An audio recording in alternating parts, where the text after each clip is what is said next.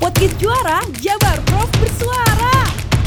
Assalamualaikum warahmatullahi wabarakatuh. Sampurasun wargi Jabar berjumpa kembali di podcast Juara Jabar Prof Bersuara. Kali ini ada saya Sisi yang bertugas dan bertempat di BPBD Provinsi Jawa Barat bersama dengan kami tentunya telah hadir Dr. Andes Edi Heriadi MSI Kepala Bidang Pencegahan dan Kesiapsiagaan BPBD Provinsi Jawa Barat. Assalamualaikum Bapak. Waalaikumsalam. Apa kabarnya Pak? Alhamdulillah sehat. Alhamdulillah sehat, Bapak dan juga timnya memang lagi sibuk-sibuknya ya Pak, karena Betul. menurut data yang kami himpun juga bahwa bencana di Jawa Barat dari awal 2023 Januari berarti ya, Januari Ya. sampai sekarang September itu sudah mencapai ribuan bencana wargi Jabar, betul ya Pak ya? Ya, 1135 tepat. 1135 lebih tepatnya. Baik, itu dia. Dan katanya nih wargi Jabar, memang eh, di daerah di Jawa Barat ini adalah tanah rawan bencana. Apakah Betul. itu betul, Pak? Betul, memang eh, Provinsi Jawa Barat merupakan daerah-daerah yang rawan bencana gitu ya. Kategorinya juga rawan bencana sedang sampai tinggi gitu ya. Di mana di sana ada potensi ancaman bencana seperti ada gunung api aktif gitu ya, ada tujuh lah. Mulai dari Garut ada Papandayan, Gunung Guntur, Tasik, Gunung Galunggung, Kuningan, Majalengka ada Ciremai, Bandung Raya ada Tangkuban Perahu, Bogor ada Gunung Gede, Pangrango dan Gunung Salak. Nah, gunung-gunung itu sewaktu-waktu bisa erupsi. Kemudian bahwa Jawa Barat juga mempunyai potensi uh, gempa bumi. Ada beberapa sesar yang ada di Jawa Barat seperti kita ketahui sesar Lembang gitu ya. Yang itu uh, sepanjang dari Padalarang sampai Kecamatan Lembang. Kemudian sesar Cimandiri itu dari Padalarang, Cianjur, kemudian Sukabumi, Bogor. Kemudian ada juga sesar Baribis. Ada juga sesar-sesar kecil yang ada di Jawa Barat yang memang sewaktu-waktu itu bisa uh, menimbulkan gempa bumi gitu ya. Kemudian juga bahwa yang sering terjadi itu yaitu bencana hidrometeorologi gitu ya Hidrometeorologi. bencana yang diakibatkan karena perubahan iklim. Nah, itu sepanjang tahun ada. Karena kita di Jawa Barat atau di Indonesia itu ada dua musim, musim kemarau dan musim penghujan. Nah, di musim penghujan biasanya di bulan Oktober sampai dengan bulan April itu kita di apa sering terjadi bencana itu bencana hidrometeorologi seperti banjir, longsor, angin puting beliung. Nah, kita cukup kewalahan dengan kejadian-kejadian bencana banjir, uh, banjir, longsor dan angin puting beliung.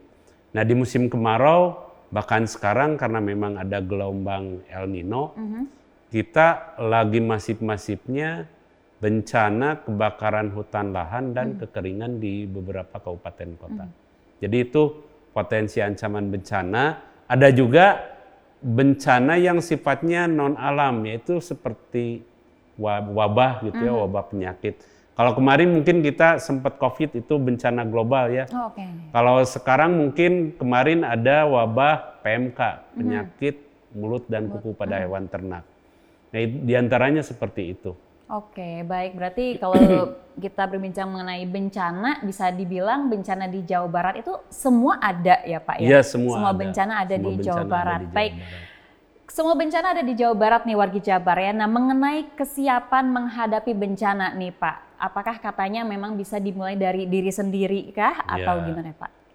Jadi begini, sebetulnya kita eh, dalam penanggulangan bencana itu ada penelitian khususnya waktu gempa bumi di Jepang gitu ya.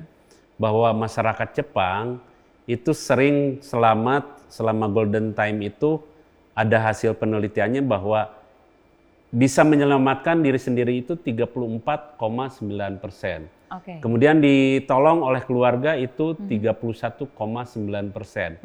Oleh tetangga itu 28 persen. Oleh tim penyelamat itu hanya 1,7 persen. 1,7 Gitu ya. Nah berkacamata dari Jepang itu kita memang eh, apa berkiblat ke Jepang di mana penanggulangan bencananya sudah bagus.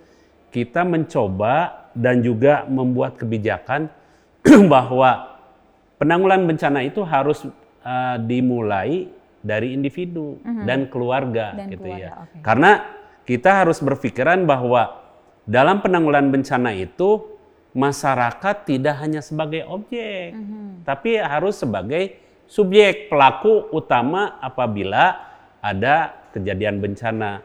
Kalaupun nanti perlu pertolongan dari BPBD atau pemerintah setempat, tentunya kita juga tanpa diminta juga pasti. Hanya untuk pertolongan-pertolongan pertama itu harus dimulai dari individu Diri dan sendiri. keluarga. Oke, gitu. dan keluarga juga. Baik, itu dia warga Jabar untuk menekan luka dan duka juga bisa Iya, dibilang ya Pak ya. betul. Mitigasi bencana ini menjadi sangat penting. Salah satunya kalau misalnya tadi Bapak bilang kan melalui individu dan juga keluarga. Ini ada juga yang namanya keluarga tangguh bencana Iya. atau katana. Boleh dijelaskan Pak sama warga Jabar apa itu Iya. katana?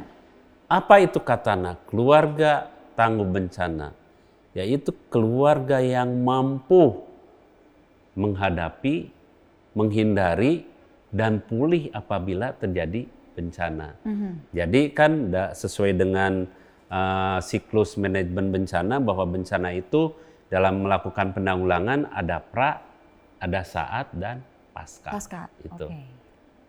Jadi keluarga ini diharapkan memang mempunyai pengetahuan, sadar, kemudian berbudaya dan tangguh manakala menghadapi kejadian bencana. Baik, itu dia. Dan berarti apa aja nih yang ada di program Katana ini, Pak?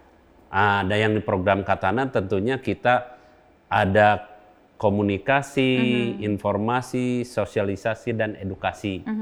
Edukasi kepada keluarga, kepada ibu-ibu karena keluarga dan ibu ini sangat berperan dalam menciptakan ketangguhan masyarakat khususnya di daerah rawan bencana supaya mereka itu lebih berdaya manakala terjadi bencana itu bisa melakukan upaya-upaya pertolongan secara uh, pribadi dan bisa menolong kepada keluarganya gitu. Oh, Oke, berarti kalau bisa dibilang uh, apa saja nih yang harus dilakukan masyarakat gitu ya, yang dilakukan wargi Jabar untuk mewujudkan Katana nih, Pak? Ya, pertama, keluarga tangguh bencana itu satu harus mampu mengenali resiko bencana. Oke, contohnya? Contohnya gini, di wilayah kita itu potensi ancaman bencananya apa saja. Sekarang itu teknologi informasi. Oke. Ada aplikasi yang bisa mengenali potensi ancaman bencana di wilayah kita, yaitu melalui inaris personal. Gitu ya. Kita misalnya punya HP Android, Mm-mm.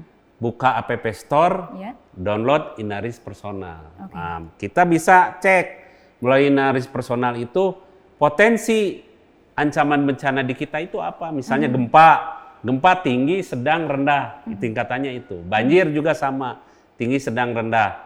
Kemudian apabila sedang ataupun tinggi ada mitigasinya pada pra, pada saat dan pasca.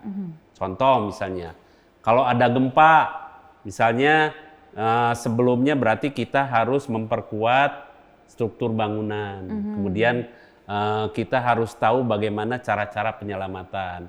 Di saatnya juga bagaimana kita melakukan upaya perlindungan diri, kemudian melakukan evakuasi ke tempat yang aman. Begitupun itu ada mitigasi berdasarkan jenis eh, bencana. Satu, kenali resikonya.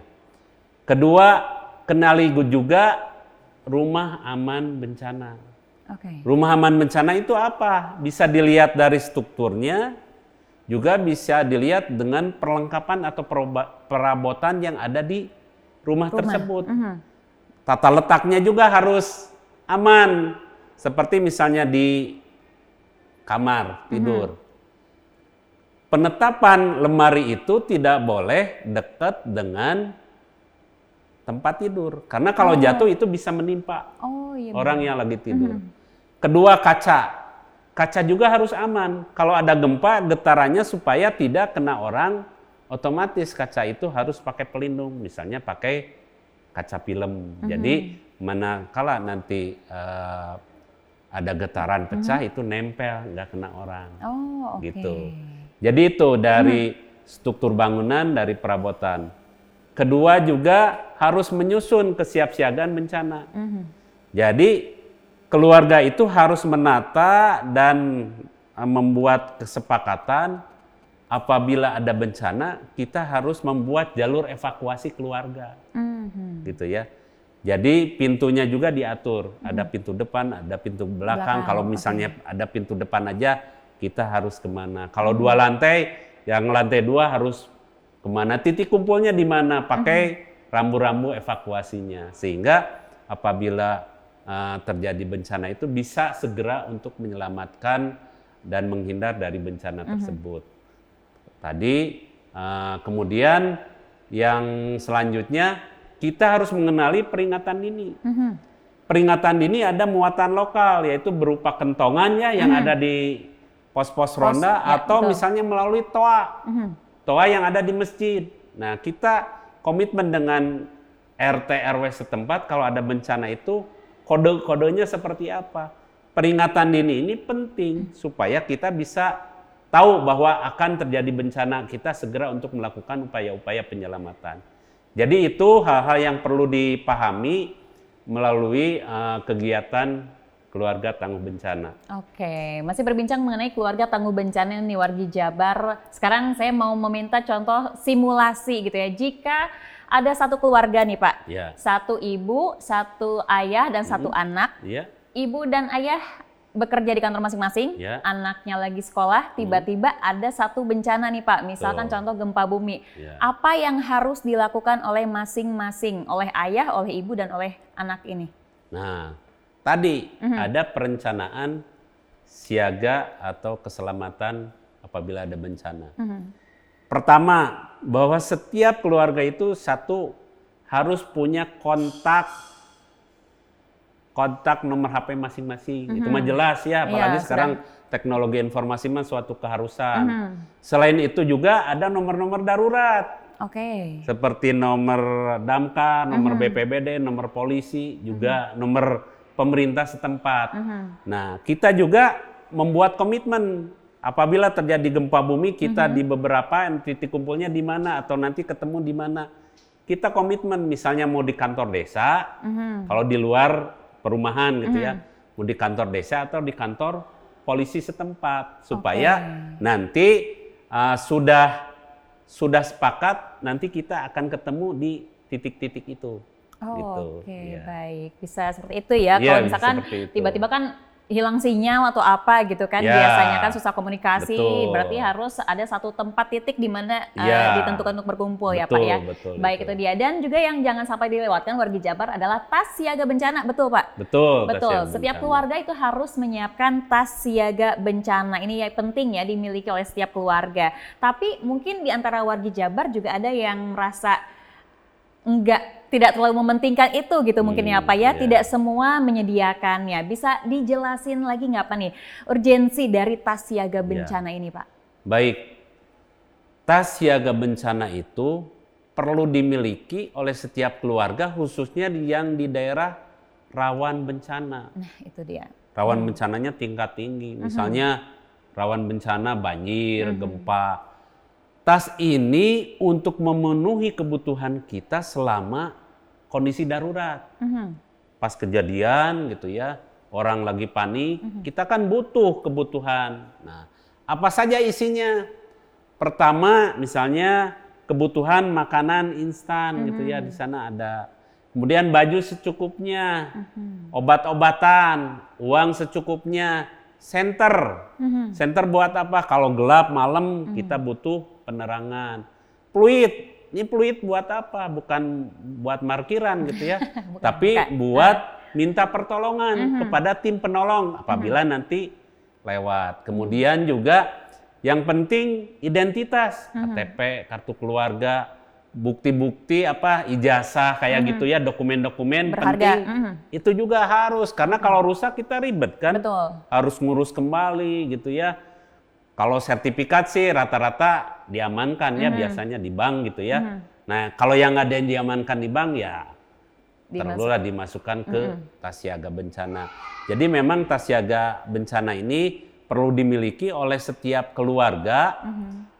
Per anggota keluarga tentunya bukan satu keluarga satu tas, tapi masing-masing individu. Oh, Kalau misalnya di oke. keluarga ada lima, ya Lima tas ibu, berarti. Mhm. bapak, anak tiga, nah itu lima tas gitu ya. Oh, Ya sebetulnya nggak nggak usah tas yang bagus gitu, Mhm. yang tas yang bisa menampung perlengkapan selama tadi kondisi Mhm. darurat itu saja. Oke, itu dan jangan lupa juga untuk makanan insannya dicek juga secara berkala ya Oh Pak iya, ya. Kalau supaya kita nyiapin dari Januari, Ah, September ternyata betul. ini harus dicek juga secara berkala di Wargi Iya, Jabar iya, ya, betul, disiapkan. Jadi lagi untuk Wargi Jabar yang mungkin di rumahnya belum ada uh, persiapan tas siaga bencana gitu ya, Iya, boleh disiapkan dari iya, sekarang kan betul. siapa. Kita nggak tahu ya bencana itu kapan datangnya ya Iya, Pak ya. betul, betul. Baik, Eh, Wargi Jabar ya tentunya di Jawa Barat bencana yang datang di bagian utara dan juga selatan ini tentu berbeda ya Pak ya. Berbeda, ya. Nah, bagaimana cara memitigasi bencana di setiap bagian atau wilayah Jawa Barat? Jadi kita kerjasama dengan eh, lembaga-lembaga yang memang mengeluarkan informasi atau peringatan dini potensi ancaman bencana. Mhm. Contoh misalnya dengan BMKG. BMKG biasanya mengeluarkan potensi ancaman bencana eh, banjir ataupun angin puting beliung. Biasanya setiap hari BMKG mengeluarkan bahwa pada hari ini akan terjadi hujan lebat disertai angin kencang di mana gitu. Misalnya sampai dengan ke kecamatan dan desa. Oh. Nah, kita menyampaikan dari BPBD provinsi ke BPBD kabupaten kota, BPBD kabupaten kota ke kecamatan bahkan sampai ke desa. Sehingga informasi ini wajib didiseminasi, direspon oleh masyarakat setempat untuk meningkatkan kewaspadaan. Nah, dengan PPMBG, PPMBG mengeluarkan informasi potensi ancaman longsor. Baik itu tingkatnya tinggi, rendah ataupun sedang. Nah, sama kita juga menyampaikan ke BPBD Kabupaten Kota, BPBD Kabupaten Kota menyampaikan ke desa dan kelurahan sampai kecamatan supaya sekali lagi dengan ada peringatan dini eh, masyarakat itu supaya waspada untuk melakukan upaya-upaya pencegahan dan kesiapsiagaan supaya tidak terjadi korban gitu. Baik, itu dia Wargi Jabar. Ya terakhir nih Pak, pertanyaan Boleh. dari kami Pak. Pesan ini untuk masyarakat, untuk Wargi Jabar tentunya mewujudkan keluarga tangguh bencana Pak. Silahkan Pak. Kembali lagi dalam rangka meningkatkan gitu ya keluarga tangguh bencana, tentunya kita harus paham aware terhadap potensi ancaman bencana. Oleh karena itu dalam mewujudkan keluarga tangguh bencana kita harus mengembangkan budaya sadar bencana. Apa itu budaya sadar bencana? Kenali potensi ancaman dan risikonya, kurangi risikonya supaya kita selamat serta siaga akan informasi kebencanaan melalui tadi aplikasi-aplikasi kebencanaan yang ada. Buka Inaris, buka kanal BMKG, buka kanal PPMBG. Kalau kita aware terhadap potensi ancaman bencana dan kita juga tahu terhadap tata cara bagaimana upaya penyelamatan diri, evakuasi diri, insya Allah kita akan selamat dari bencana. Itu saja yang dapat kami sampaikan. Baik, terima kasih sekali untuk Dr. Andes Edi Haryadi MSI, Kepala Bidang Pencegahan dan Kesiapsiagaan BPBD Provinsi Jawa Barat. Hatur nuhun Bapak. Sami-sami. Semangat untuk timnya juga ya tahun Ya, 2023 masih ada Oktober, November, Desember Pak. Semoga Betul, bencananya berkurang ya Pak ya. Amin. Dan juga tahun-tahun berikutnya. Seja, eh, yang paling dekat ini sedang mengatasi apa nih Pak ngomong-ngomong Pak? Sekarang yang lagi kita atasi itu yaitu tadi kekeringan dan kebakaran hutan dan lahan. Karena memang kondisi kemarau ini diprediksi sampai dengan akhir Oktober Mhm. dan mudah-mudahan di November sudah ada hujan dan kita juga berdoa kalaupun ada hujan tidak ada bencana. Nah itu dia Pak. bencana banjir ataupun bencana longsor ataupun angin puting beliung. Namun demikian tetap BPBD mah waspada, dan ya, siaga Pak. gitu ya untuk mengantisipasi hal-hal yang buruk. Mhm. Itu saja. Baik, itu dia wargi Jabar. Sekali lagi waspada dan tentu kita semua harus berkolaborasi ya antara Betul, pemerintahan dan ya. juga wargi Jabar. Baik, sekali lagi terima kasih Bapak. Sehat-sehat selalu bersama tim, Amin. semangat Ya. tentunya. Demikian wargi Jabar podcast juara Jabar Prof bersuara edisi kali ini langsung dari BPBD Provinsi Jawa Barat. Jangan lupa simak terus podcast juara di Spotify dan juga di YouTube-nya juga boleh silakan langsung disimak ya dan nanti kita akan berjumpa lagi di episode-episode berikutnya hanya di podcast juara Jabar Prof bersuara. Saya Sizi bersama Dr. Andes Edi Haryadi MSc pamit. Wassalamualaikum warahmatullahi wabarakatuh. Waalaikumsalam warahmatullahi wabarakatuh. Podcast juara Jabar Prof bersuara.